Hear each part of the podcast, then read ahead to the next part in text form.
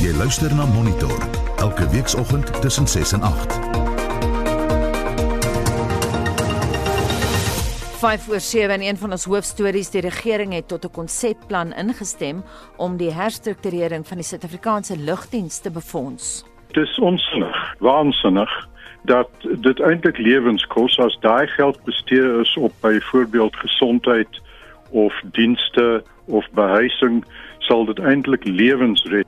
Maar is dit die regte besluit? Ons kry reaksie hierop en vra of die lugdiens op 'n ander manier bedryf kan word. En COVID-19 toetse in die Kaapstadse metro sal slegs toegestaan word aan mense bo 55. Ons kry duidelikheid oor wat die planne behels. Goeiemôre, ek is Anita Visser. En ek is Gustaf Vreiling. Welkom by Monitor.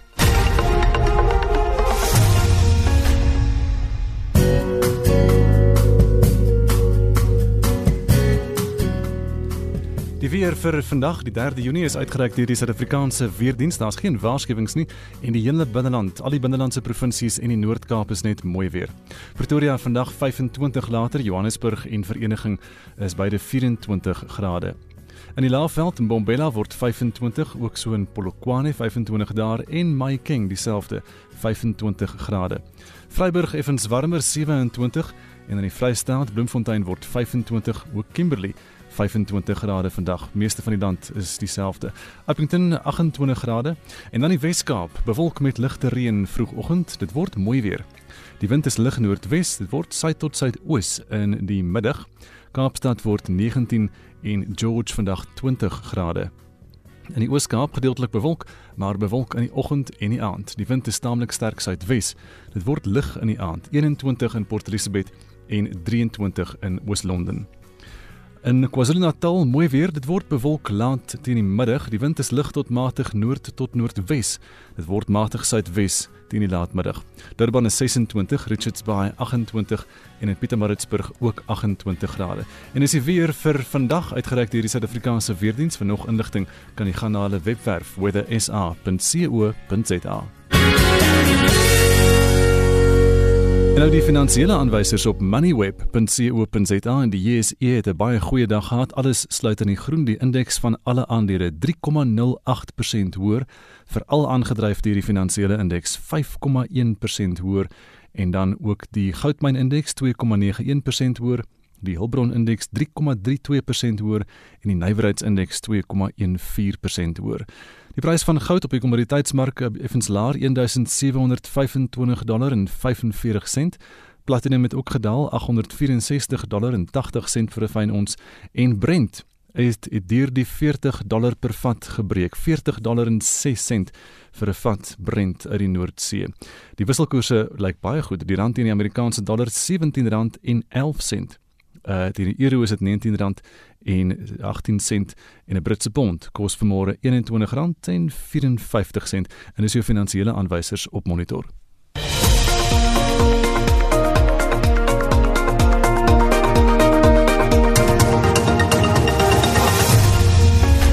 Dis nou 10 minute oor 7 en jy is ingeskakel by Monitor op RSG.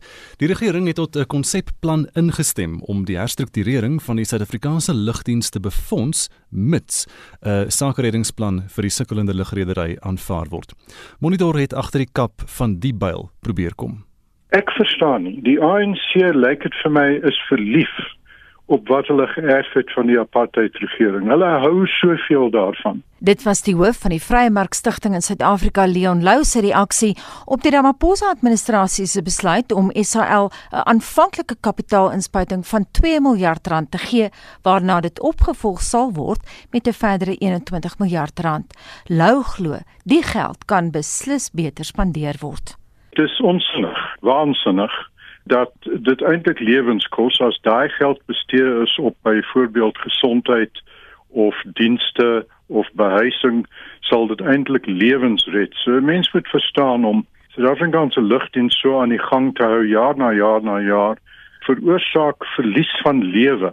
En 'n jaar van COVID moet ons verstaan dat dit ook die koste is van die ding. Behalwe dat dit uh, jy weet duisende huise vir plakkers sou kon gewees het, dienste kon gewees het. Nou moet ons ook iets verstaan. Om Suid-Afrikaanse lugdiens eintlik te herkapitaliseer sal 60 miljard neem. nie 20 nie. Al wat dit doen is die ding soort van aan die gang hou sodat langer kan bloei, langer kan geld mors, langer kan lewenskos, langer kan behuising kos en so aan. Die 21 miljard of 20 miljard is net 'n tydelike ding om 'n dooie ding aan hier te lyk asof dit nog lewe, maar dis eintlik verby, dis nie redbaar nie. Dis eintlik ongelooflik dat in 'n jaar waar ons uh, nasionale produk gaan daal met 10 tot 15% wat eintlik 'n depressie is, dat hulle selfs dit oorweeg of daarvan praat dat hulle 'n minuut bestee op 'n gesels oor of dit gedoen moet word. Dit behoort nie eers op 'n sakelys te verskyn nie. Die bestuurende direkteur van die maatskappy Plain Talking, Lyndon Burns, sê 'n knap bestuurde SAL kan egter vir die land 'n aanwins wees. Ownership of the airline is a red herring. There are as many profitable state-owned airlines around the world like Singapore, Emirates, Rwandair, Ethiopian, as there are loss-making private sector ones. The key is making sure that the airline doesn't get hijacked for corruption or state capture or political reasons as opposed to actually letting it do its job in supporting and enabling economic activity in the country. And I think that's really important. You know, we look at South Africa, this is an industry that drives over 6 billion dollars a year, over a 100 billion rand, uh, sorry, nearly 200 billion rand in uh, economic value through tourism, through trade, through spending that comes as a result of that. It employs and supports over 450,000 jobs in the country, and it contributes a significant portion of GDP. In Duitsland het die regering 'n reddingsboei van 200 miljard rand aan Lufthansa goedgekeur. Just to put it into perspective, you know, this is an airline that's burning through a million euros an hour at the moment. They had about 4 billion euros in reserves at the end of April. They've also got to set aside almost 2 billion for refunds to passengers who held tickets during the period when they weren't flying. And they're currently only operating about 2% of their total network and schedule. And they hope that by mid-June that they'll get up to about 15%.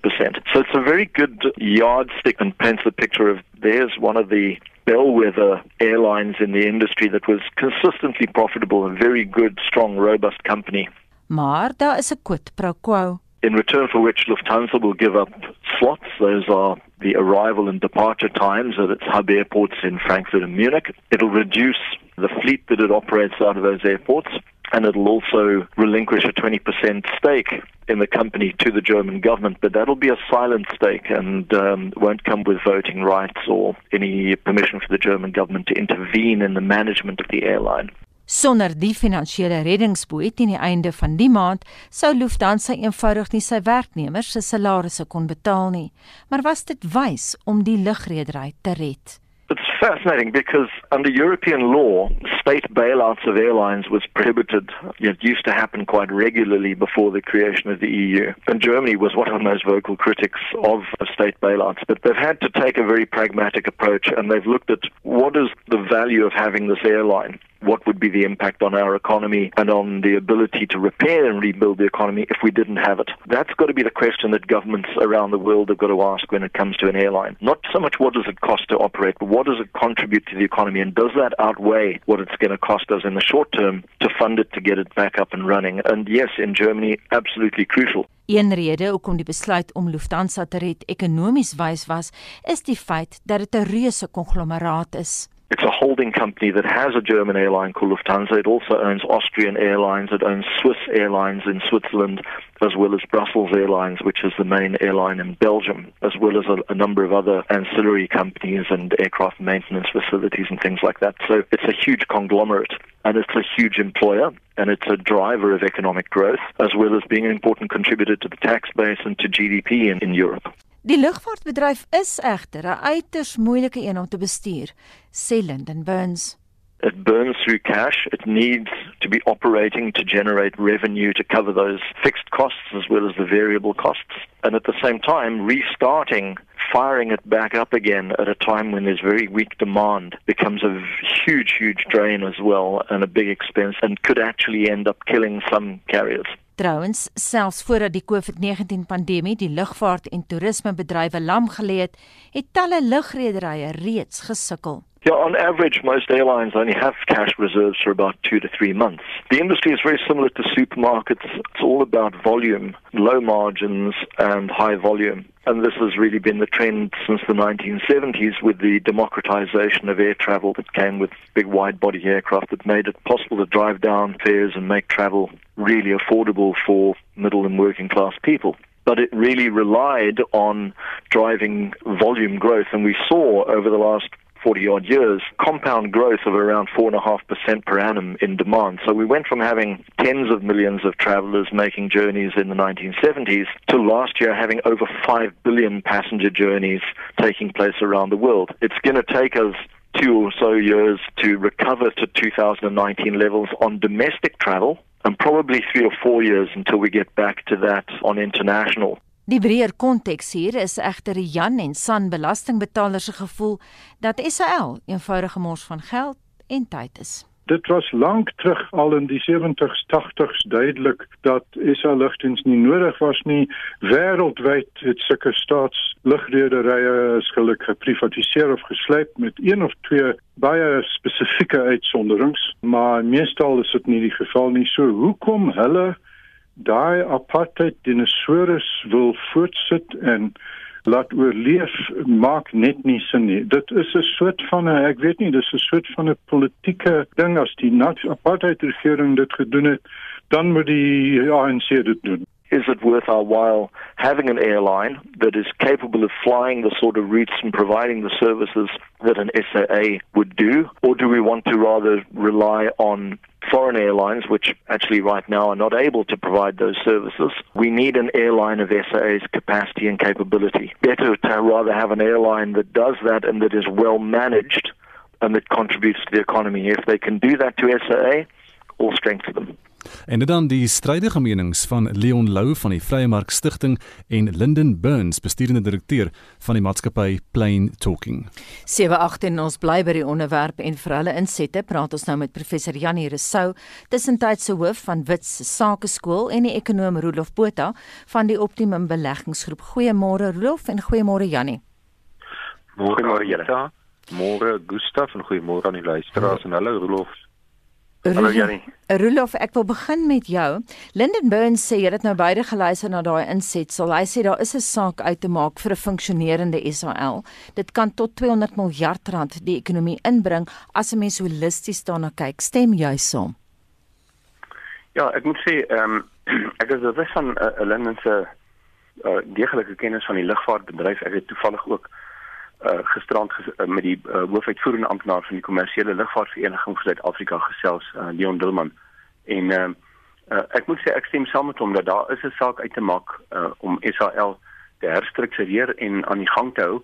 Uh, ek dink mense moet ehm um, twee dinge net in ag neem. In eerste plek, die regering gaan nie SAL uh, laat gaan nie. Ek, ek stem saam met Leon uh Lou ek stem uh, in die reël saam met hom. Maar ek, ek dink ons moet die emosies 'n bietjie uit die ding uithaal en gaan kyk na die balansstaat. Die regering gaan nie SAL oros nie. Dit is die realiteit. En as mens gaan kyk na die balansstaat en mens kyk na die die koste items, die groot koste items en jy vergelyk dit met lugrederye soos Ethiopian Airlines en soos Lufthansa, dan kom mens agter maar wat wat gaan hier aan? Uh die die die uh, uh waardevermindering op die vliegtye is uh, is 'n is 'n reuse bedrag, maar dan sit hulle met hierdie huur van vliegtye uh, in die laaste uh, uh, uh, verslag wat mense data het van SAL 3 miljard rand in 1 jaar.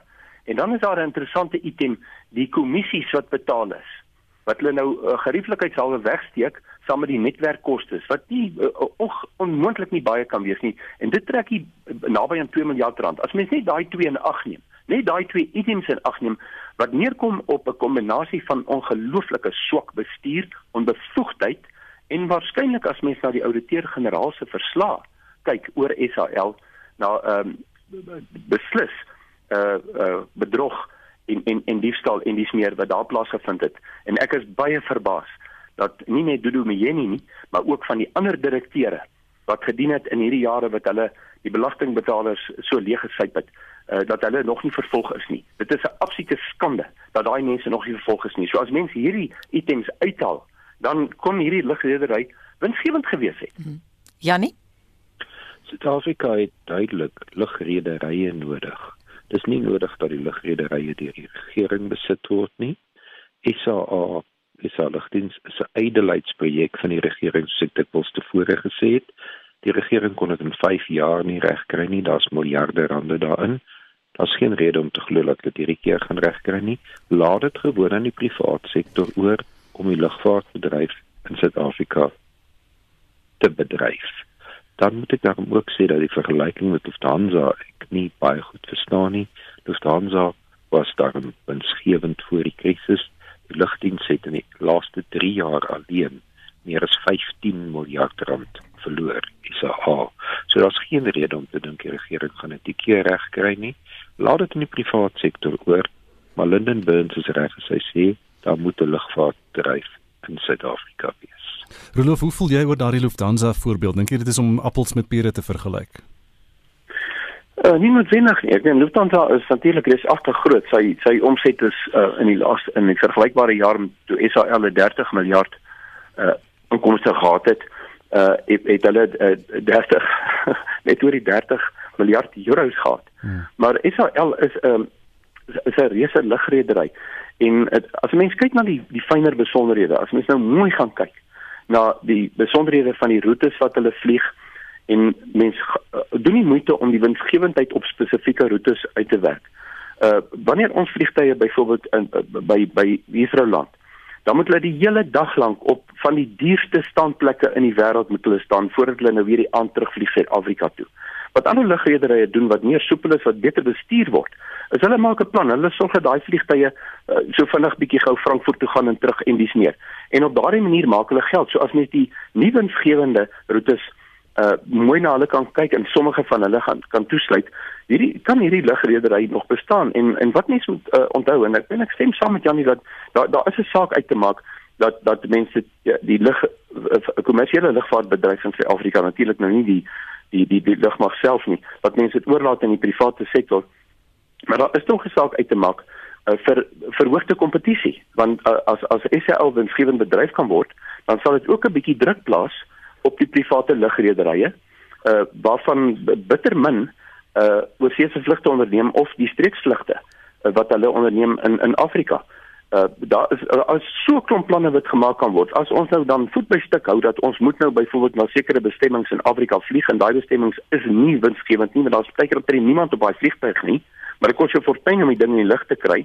Dan moet die uh, African Development Bank 'n bietjie in hierdie prentjie inkom en kyk hoe belangrik is dit vir die kontinent dat mense soontoe kan vlieg van Johannesburg af. Want Suid-Afrika is die spulpunt van hierdie land, van hierdie kontinent se ekonomie. En uh, of dit nou 'n uitreisprojek is of nie, die feit van die saak is dat dit is in Suid-Afrika se langtermynbelang dat ons 'n nasionale lugredery het. Ek ek moet sê ek stem daar daarso saam met Lyndon Burns absoluut en saam met Pravin Gordhan.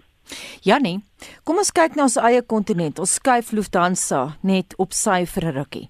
Ons het nou in die pakkie gehoor twee goed het Linden gister vir my gesê. Een is dat SAL van tevore af al baie goed gefunksioneer het. Dis die een ding wat hy gesê het.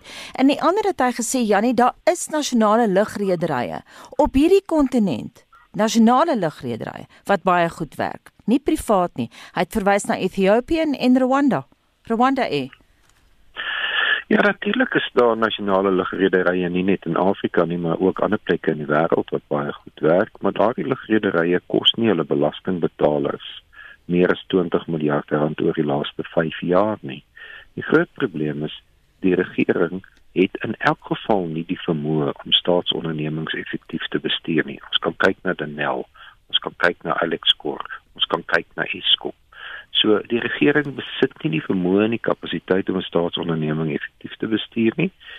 Bygevolge moet hulle ontslaa raak van daardie sake ondernemings wat hulle probeer bestuur wat nie noodsaaklik is nie, soos Denel, soos Alexkor, soos SAL en dan probeer om iets soos Eskom wat regtig noodsaaklik vir Suid-Afrika is, effektief te bestuur. Rolof die die hoof van um, ek dink is Ethiopian Airlines het oor die naweek gesê dat hulle kry nie um, enige reddingsboei van die regering af selfs nou in die coronatyd nie en hulle moet maar hulle geld maak selfs deur deur vragvlugte en so aan. Doen SAL sulke dinge?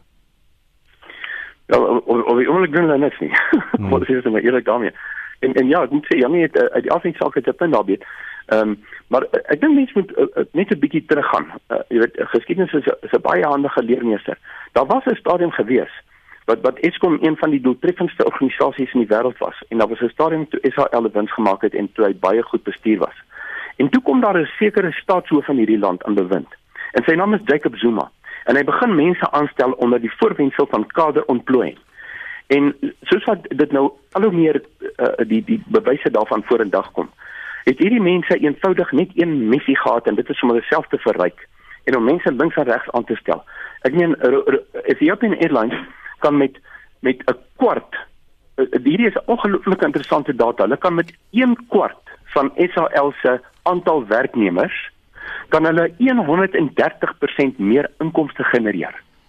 Ehm um, so dit is nie 'n kwessie van uh dat dat die die die hele lugredery nou net eenvoudig moet toegemaak word. Die mense moet gaan kyk na die oorsake van die van finansiële gemors en en dit het sy ontstaan by die aanstelling in rade en in bestuursposte by staatsondernemings van mense wat hoegenaamd nie opgelei is of die ondervinding het om daai werk te doen nie. En dan moet hierdie mense opgetree word en ons arbeidsmarkwetgewing moet verander sodat jy van sulke mense onmiddellik ontslae kan raak.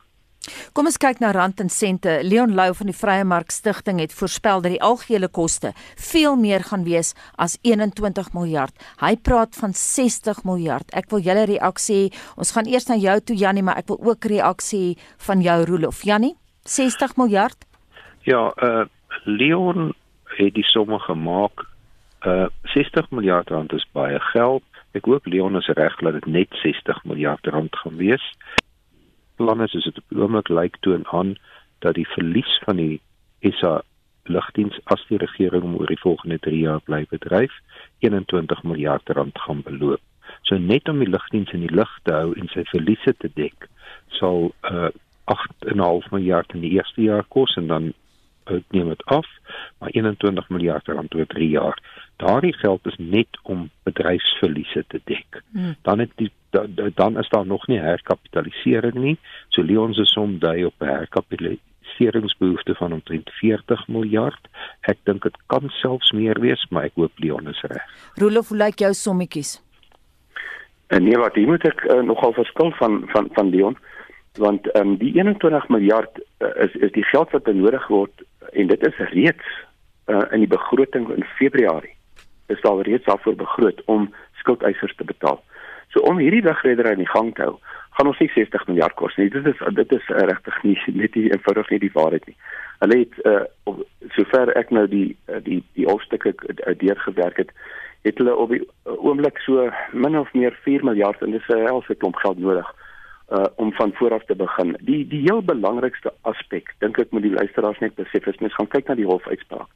Is dat men, as 'n mens bevoegde persone kan kry wat in die bestuur staan van SAL, mense met lugvaartondervinding, mense wat eerlik is, en mense wat weet waar om 'n bietjie te kan sny aan hulle uitgawes en die organisasie is daar net eenvoudig heeltemal te veel mense wat ek wil nie die woord werk gebruik nie maar wat daar is daar in daai geboue en oral wat hulle doen is mense nie altyd heeltemal seker nie dan kan hierdie lugredery redelik maklik winsgewend word so ek moet nou eerlik wees uh, um, ek ek dink mense moet nie nou jy weet die die die uh, jy weet die hele ding nou net gaan saam en toemaak mense moet gaan kyk na die redes waarom daar verliese gemaak is in die verlede.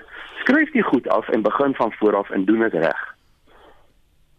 Rolof, um, gepraat daarvan, wat ons heeltyd hoor oor hierdie plan is dat hulle die ou SAL gaan eenkant sit met sy skuld en dat hulle 'n nuwe lugdiens gaan begin wat uit sy as dan moet herreis.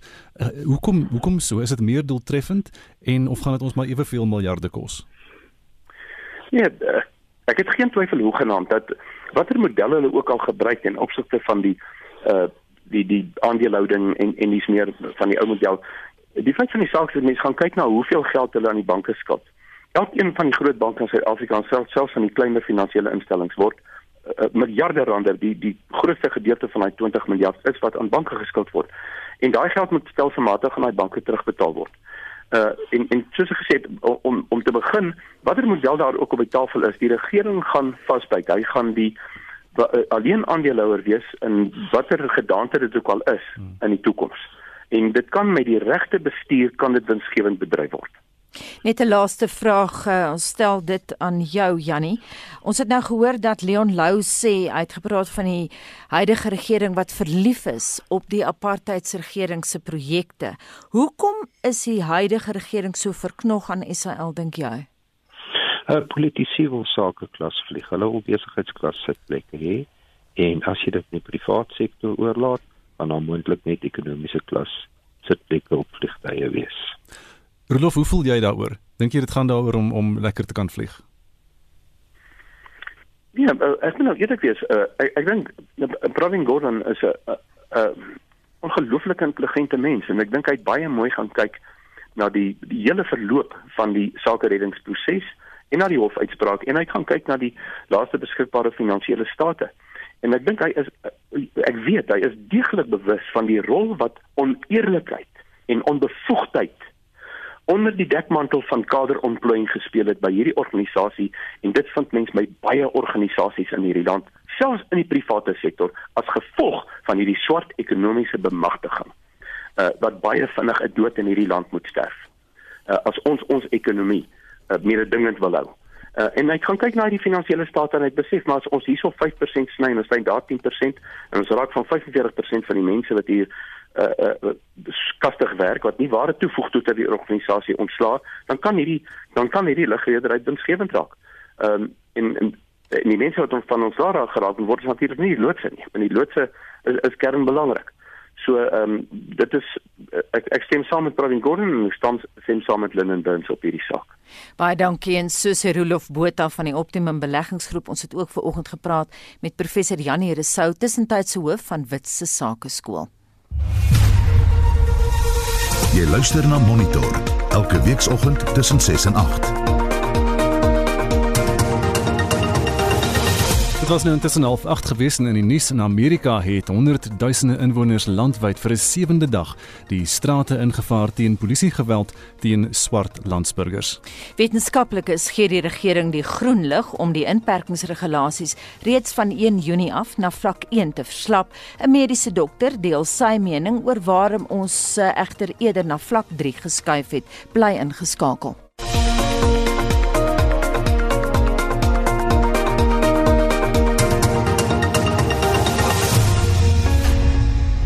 Vincent, is ons luisteraars nog kwaad oor die gerookery?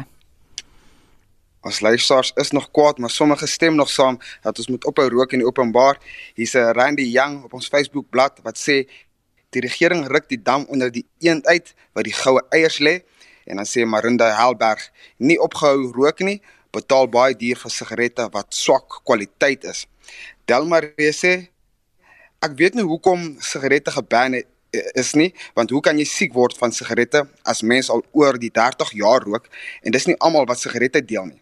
Ek dink party mense het verstand om nie te deel nie. Dan net 'n vraag, die drank word sommer uit een bottel gedrink, bier sommer 3 op 'n bottel. Is dit nou nie hoe die virus vinniger gaan versprei nie? vra Tail.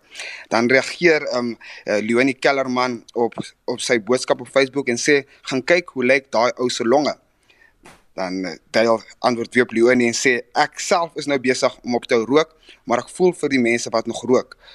Maar die gif wat hulle nou in inasem, nee, dis ten duurste en dit maak jou bors baie sleg, laat weet hulle. En jy kan ook hoor duidelik hoor uit ons um, stemnotas uit dat daar baie mense is wat wil hê die sigarette moet aanhou geban word.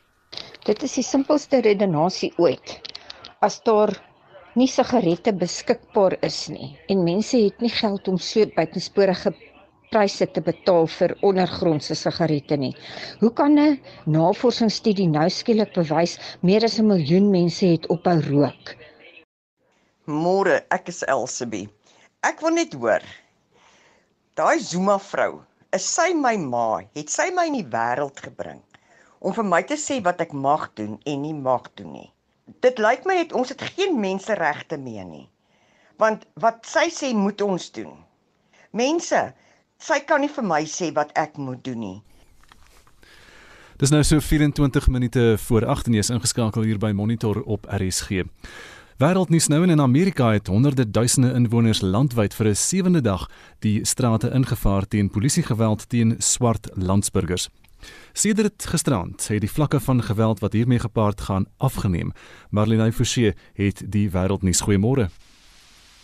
Môre Gustaf en die afname in geweld volg op 'n pleidooi deur George Floyd se familie by 'n gedenkdiens. Floyd is dood in polisie-aanhouding in Amerika.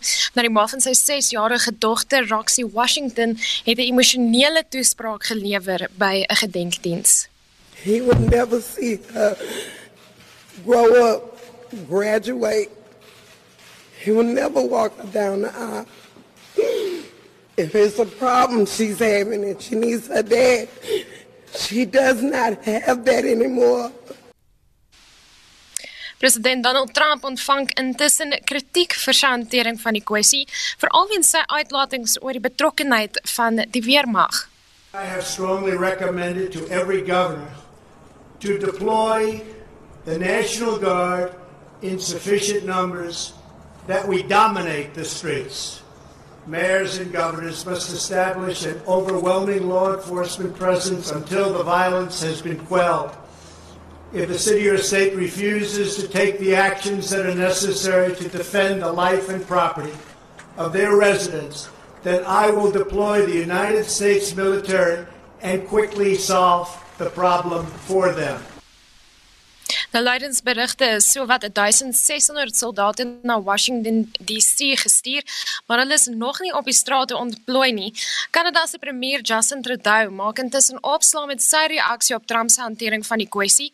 'n Vraag is aan hom gestel tydens 'n media-konferensie waarna hy vir minstens 20 sekondes lank nie 'n woord gesê het nie en uiteindelik as volg gereageer het. We all watch in horror and consternation what's going on in the United States. It is a time uh, to pull people together, but it is a time to listen. It is a time to learn what injustices continue despite progress uh, over years and decades. But it is a time for us as Canadians to recognize that we too have our challenges. En dit was die Kanadese premier Justin Trudeau. En dan verskuif ons nou die aandag na die jongste nuus oor die COVID-19 pandemie. Italië se grense is nou oop vir besoekers van ander lande sonder die gebruikelike 2 weke lange kwarantyneperiode. Dit terwyl dit nou in Brittanje verpligtend is vir enige buitelander wat die land binnekom om 14 dae in afsondering te bly. Die sterftesyfer weens COVID-19 in Brasilië is nou bo 31000 en duisende inwoners het die strate ingevaar in protes teen president Jair Bolsonaro in die verband. Verskeie vlakke van die ekonomie in die land is daar oop en ten spyte van daaglikse nuwe rekords van nuwe gevalle. En die ministers van finansies van die G7 lid lande vergader intussen later vandag in 'n telefoniese konferensie oor die ekonomiese impak van die pandemie. In Mumbai is die Indiese stad wat sover die ergste deurloop onder die virus. Minstens 40000 bevestigde gevalle is aangemeld waarvan 1400 noodlottig is. In die midde van vrese oor COVID-19 moes 10000 mense al wonings ontruim en pasiënte is uit die stad geskuif. Dis ter voorbereiding van die koms van sikloon Nisarga. Dis die eerste erge sikloon wat die stad na verwagting gaan tref sedert 1891. Baie dankie, dit was dan Marlene Forsie met vanoggend se wêreldnuus. COVID-19 toetse in die Kaapstadse metro sal slegs toegestaan word aan mense bo 55.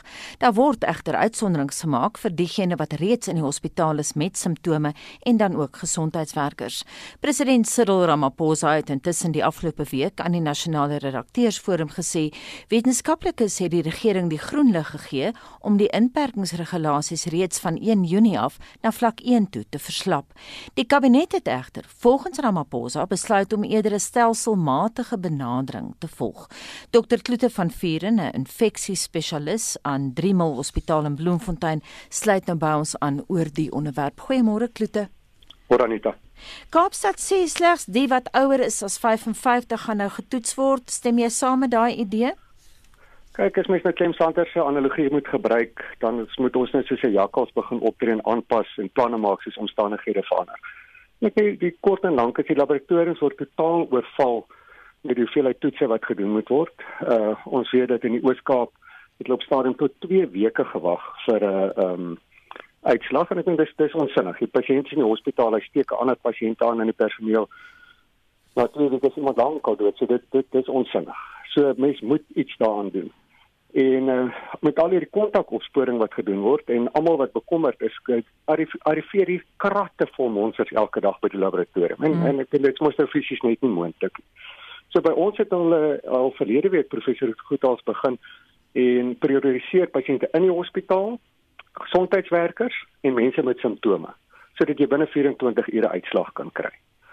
En al die ander monsters, omdat hulle volgens wet dit nie mag weggooi nie, word in 'n yskas gebeere en hulle nou begin om hulle het uitgewerk dit met die veelheid positiefs wat ons kry onder hierdie asymptomatiese gevalle as jy so 8 gelyk met een reagentspits en is negatief dan kan jy al 8 rapporteer as negatief so positief dan moet jy nou elkeen apart gaan toets maar op die manier is nou besig om massiewe skaal hierdie agterstand te probeer uitwis.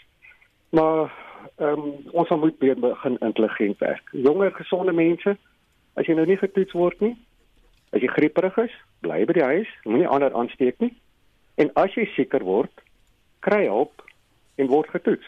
Hmm. En die ek dink die volgende vraag gaan dan wees maar wat nou van die getalle wat ons so obsessief elke aand volg en elke ekstra een bytel? Ons het lankal al gesê dit gaan nie oor die absolute getal nie. Ons weet mos daar's baie mense wat nie getoets word. Hmm. Dit gaan oor die tendens. Ons wil weet styg die gevalle?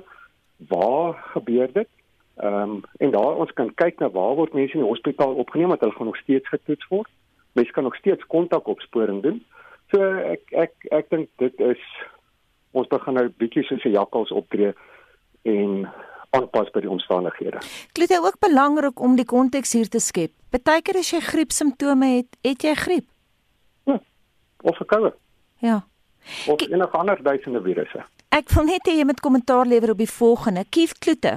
Hy is nou hoof van die departement gesondheid in die Wes-Kaap. Hy het tydens 'n onderhoud met 'n ander radiostasie gesê mense jonger as 55 met met simptome moet aanneem dat hulle die siekte het, maar dat hulle na 14 dae gesond sal wees en daar nie rede is om getoets te word nie. Wat dink jy van so 'n stelling?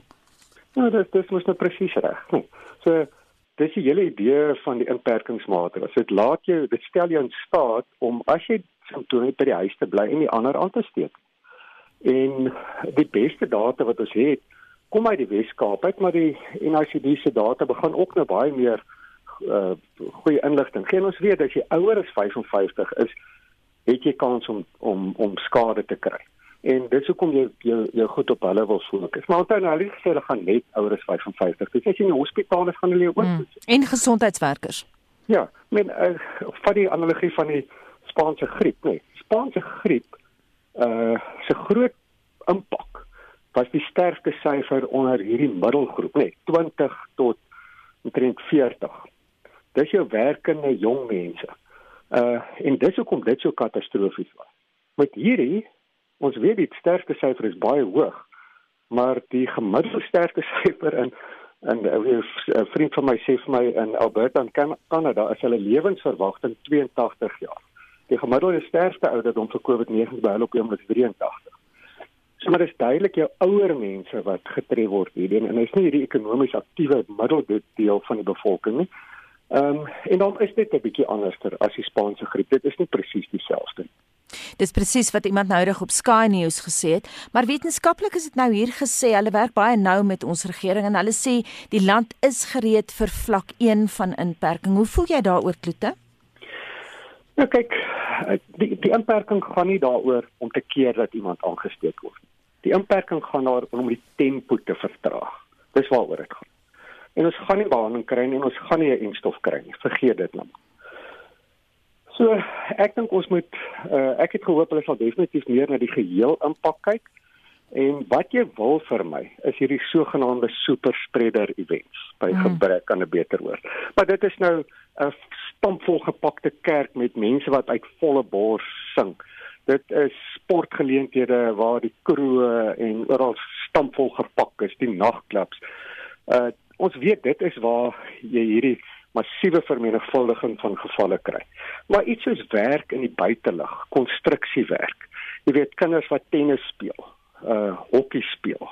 Uh jy weet dit sal 'n uh, sin vir normaliteit terugbring. Weet en as mens sulke goed kon toelaat en ek het ek het hoop daar sal bietjie meer selektief te werk gaan om ekonomie oop te stel en die lewe weer in die gang te kry. Maar nou ek dink ek sien ons ook met en ek dink julle sal saamstem by die skole wat nou moet oopmaak. Jy kry mense wat absoluut ontsteld is daaroor en dit onder geen omstandighede wil toelaat nie en ek dink ons gaan baie sukkel om nadat ons vlak 5 inperking gehad het, die mense emosioneel nou te beweeg en te sê luister mense, kom ons gaan net met ons lewens 'n bietjie aan en wees net 'n bietjie intelligent in hoe ons hierdie ding hanteer. Ons het al tevore daarna verwys, maar dis 'n storie wat nie weggaan nie. Die Trump-administrasie het sy mes in vir die Wêreldgesondheidsorganisasie.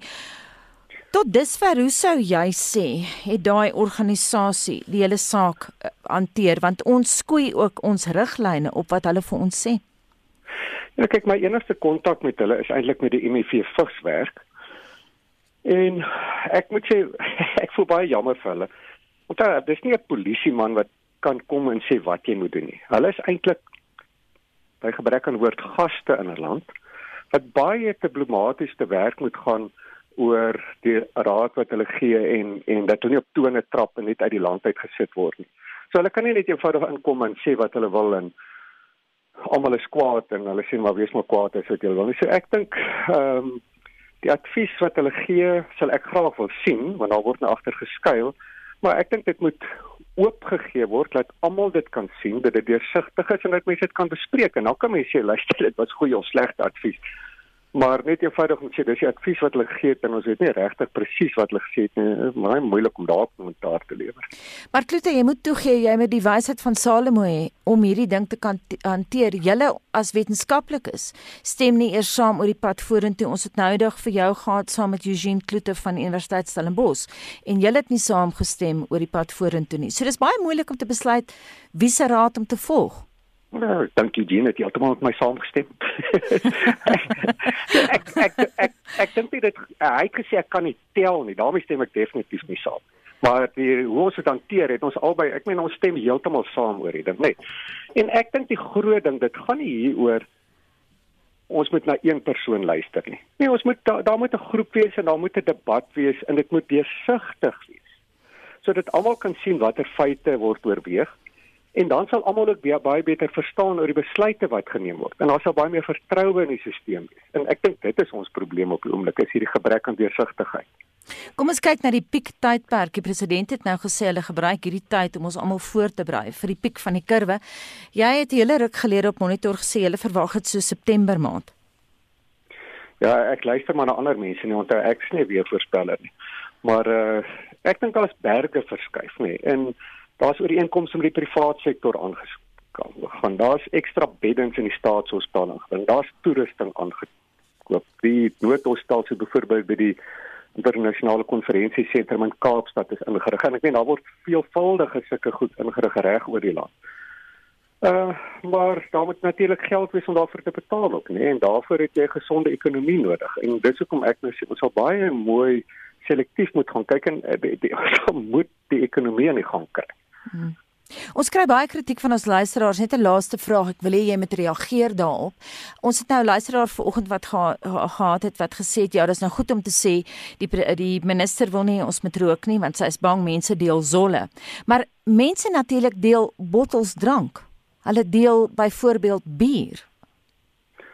Daar is menslike menslike gedrag is menslike gedrag. Jy weet en Uh, ek dink as mense sulke inperkingsmaatreëls aankondig, moet jy aanvaar sekere groepe gaan nie hulle steur daar nie. Maar die intelligente grootste deel in die middel sal help om byeenkomste te beperk en sal nie saamdrom nie en sal intelligent hiermee opgaan. En ek dink dit is waarop ons gaan. Selfs met vlak 1 beperkings was daar baie mense wat hulle nie daaraan gesteer het nie. En ons kan gesien die dramatiese impak wat dit op die verspreiding gehad het. Nie ons ons as jy op 'n logaritmiese skaal na ons toename kyk, loop ons grafiek se helling op presies dieselfde helling as Singapore en Japan. Mm. So dit het 'n impak gehad ten spyte van die feit dat baie mense hulle nie daaraan steur nie.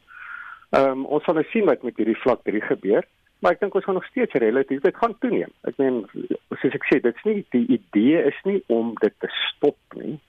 Die idee is om die groei te bietjie te vertraag. Mm. En dit het ons nou gedoen. En ek dink dit sal so aangaan en intelligente mense sal intelligente goed doen om dit te keer en ons moet hulle bemagtig om dit te doen en ons moet deursigtig wees in die besluite wat ons neem en as jy daai vertroue skep dan sal dit goed gaan. Baie dankie en so voorspel dokter Kloete van Vuren infeksiespesialis aan die 3 Militêre Hospitaal in Bloemfontein.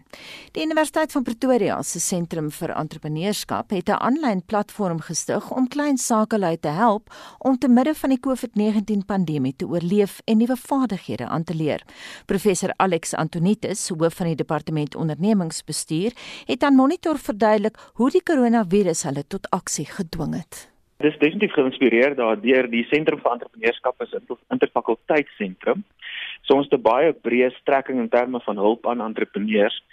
En aan die begin van COVID in Maart ons besef hier kom groot impak in 'n belangrike sektor. En toe het ons die platform opgesit wat in beginsel gratis diens aan entrepreneurs lewer oor 'n breë spektrum. En wat was die reaksie geweest?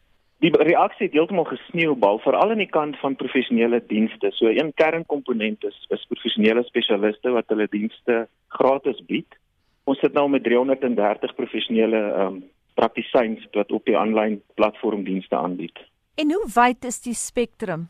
In terme van die aanbod wat ons lewer, is dit vreeslik wyd. Dit wissel van sielkundiges tot prokureurs, advokate, uh, rekenmeesters, omdraai spesialiste, strategie ouens, belastingpraktisyns en dis meer. En die spektrum wat ons tref hiermee is enige entrepreneur. Net sy in die informele sektor of formele sektor of geregistreer. So ons probeer enigiemand help wat deur hierdie moeilike tyd gaan. Maar miskien kom hier nou nuwe vennootskappe hier uit. Ek vermoed so. Ek is seker daarvan en nuwe besigheidsmodelle. Dis iets wat ou klaar sien. Ouens dink anders oor hulle besighede, die wat oorleef en die wat gaan oorleef gaan heeltemal anders besigheid doen as van tevore. Gaan julle volhou met julle projek selfs al sou COVID-19 weggaan? Ag absoluut. Ons het net geleer dat vreeslik baie mense wil gee. Jy weet dis van hierdie eh, selfs prokureurs wat 10 ure 'n week uh, gratis aanbied vir entrepreneurs. So ons hoop ons gaan daarby hou uit 'n sosiale verantwoordelikheidsbeginsel en definitief aangaan solank ons kan. Ek sien dit nie as 'n projek nie, dis 'n program wat gaan aanhou loop. Jy het net nou gesê dat mense gaan begin anders dink oor die manier wat hulle dinge doen. Wil jy bietjie uitbrei daarop? Verseker. Ek dink 'n groot persentasie van ons klein sake gaan toemaak of het klaar toegemaak. Klaar is reeds in die reddingsfase van voor insolventie. Maar die wat gaan oorleef gaan baie meer kreatief moet wees en baie meer innoverend moet dink en eintlik hulle self weer sien as 'n oorbegin. En dis die rol wat hierdie dienste kan lewer. Ons het nie net professionele dienste nie, ons het 'n klomp ander hulpbronne op die platform. Um, om 'n webwerf op te sit. Ons het geleer dat 'n klomp van hierdie entrepreneurs het nie eens webwerwe nie. Van hulle het nie e-handel nie en ewe skielik moes hulle dit toepas. So ons bied daar gratis dienste oor hoe om jouself aanlyn te kry. En dis maar die manier van besigheid doen van nou af. As jy nie op die op sosiale media is of op die internet is nie, is, is dit gaan moeilik wees. So vir party klein besigheidsmense was hierdie 'n leerkurwe. Verseker. Dis moeilik om te sê maar vir die wat oorleef is dit 'n totale leerkurwe. Jy moet nuwe markte soek, jy gaan jou uh, waardeproposisie moet verander, jy gaan nuwe produkte miskien moet ontwikkel. En dit sien ons klaar. So dis regtig 'n nuwe normaal om my klisjé te gebruik en in verskeie bedryfstakke.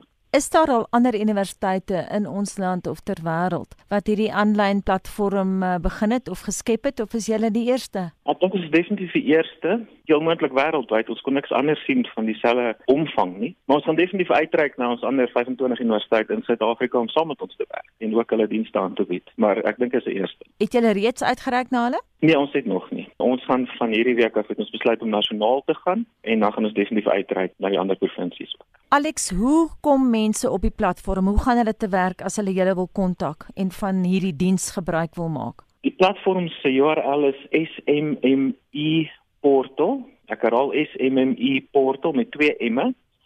.ip Universiteit van Pretoria .ac.za en dit is tweeledig. Die een is vir vrywilligers, so jy gaan daar bo sien volunteer en as jy enige uur of 2 of 10 beskikbaar het per week om entrepreneurs te help, gaan jy daarin en jy registreer jouself. Ons sit dan jou profiel op die webruimte in binne in die kategorie wat daar is en die ander is die entrepreneurs. Ek wil net herhaal alles is gratis wat ons aanbied en dis 'n belangrike beginsel hierso. En so sê professor Alex Antonitis, hoof van die departement ondernemingsbestuur en uh, hy het daardie onderhoud vroeër die week aan ons gegee. Nou ja, 758, ons het nog tyd vir SMS terugvoering. Winsent jy die vloer. En net ek wil net aan al ons luisteraars sê wat al hierdie mooi boodskappe gestuur het. Daar's hordes wat nog steeds invloei. Jammer dat ons nie by alles kan uitkom nie. Maar dis Rosetta Sigelaar wat sê, ehm um, sy's van rivier sonder end. Ek het nog nooit ophou rook nie en sal ook nie met vier uitroeptekens daar. Dan sê Madeleine Rood, sy rook nog steeds. En Johan Kien antwoord daar en sê, "Kyk hoe lyk jou longe." En Madeleine Rood het ook 'n ander boodskap vir ons geskryf op ons uh, eh, SMS lyn. Môre ek rook nie, ek nog nooit nie. Hier naby my is 'n Bangladesh spaza winkel. Mense van alle oorde kom om hier sigarette te koop. Ehm um, hulle kla oor die prys, maar koop sal hulle koop. Hoor daar is pakkies pakkies van 20s wat tot R200 haal met een los vir R10 een. Wie baat daar uit? Net hulle wat verloor. Ehm um, ons verloor baie ehm um, geld in ons land laat sê laat weet hierdie luisteraar. En as daar nog iemand sê jammer maar min mense gaan op 'n rook. Hulle maak plan van 'n karton en hulle slyk handel sigarette kos na hulle R1200 en hulle betaal dit vat die geld wat vir hulle kos moes wees. En dit is sies vir die regering sê hierdie luisteraar. Baie dankie dat almal saamgesels het vandag 'n um, lekker dag. Jean Estres is hier op Spectrum se dagboek later vandag. Ja, ons ondersoek die implikasies van die Hooggeregshof uitspraak oor die vlak 3 en 4 uh, beperkings en dan ook daar is spesifieke riglyne wat jy kan volg wanneer jou huiswerker en tuinwerker terugkeer werk toe. En ons groet namens ons waarnemende uitvoerende regisseur Hendrik Martin vir oggend se redakteur Justin Kennerly, ons produksieregisseur Lewona Bekes en ek is Anita Visser. En ek is Gustaf Vreiling, mooi bly tot môre oggend om 6. SAK nuus. Onafhanklik, onpartydig.